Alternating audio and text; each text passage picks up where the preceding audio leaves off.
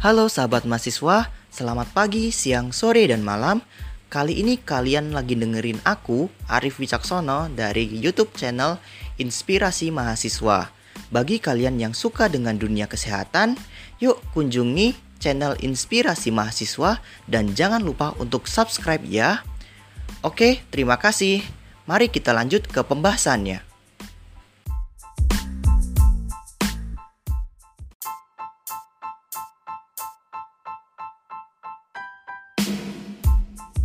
Pada pembahasan kali ini kita akan mencoba membahas mengenai apa itu kanker paru. Kenapa kita harus membahas kanker paru tidak kanker-kanker yang lain? Karena menurut pedoman nasional mengenai kanker paru yang dikeluarkan pada tahun 2017 bahwasanya kanker paru merupakan penyebab utama kanker atau keganasan di dunia. Dan kurang lebih diagnosa utama mengenai kanker paru di dunia ada sekitar 13 persennya. Oleh karena itu, sangat layak kita membahas kanker paru agar kita lebih waspada terhadap penyakit kanker paru ini.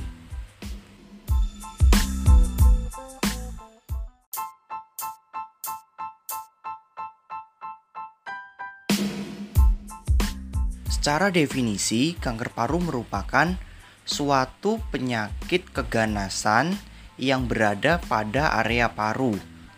Entah itu dikarenakan efek dari kanker yang lain atau dari kanker paru primer.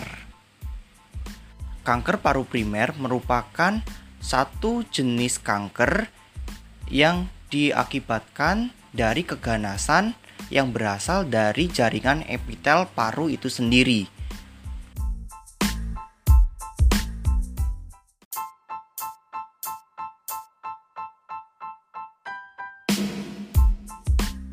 Untuk lebih waspada terhadap kanker paru, seyogyanya kita melakukan screening dini terhadap tanda dan gejala kanker paru.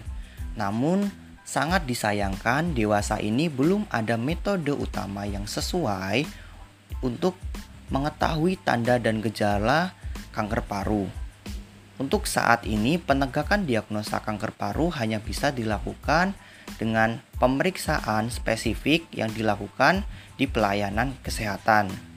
Namun, metode sekunder bisa kita lakukan yakni dengan cara pengelompokan pasien dengan resiko tinggi kanker paru.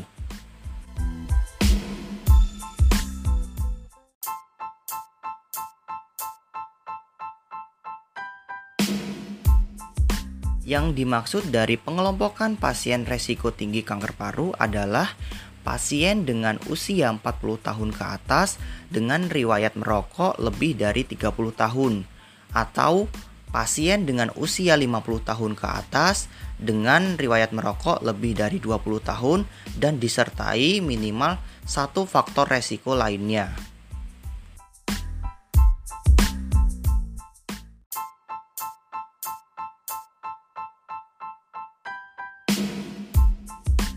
Faktor lain yang menyebabkan kanker paru selain merokok adalah yang pertama paparan dari radiasi, yang kedua adalah paparan zat kimia karsinogenik, lalu yang ketiga adalah riwayat kanker pasien itu sendiri maupun keluarga, dan yang terakhir adalah riwayat penyakit paru seperti contohnya PPOK.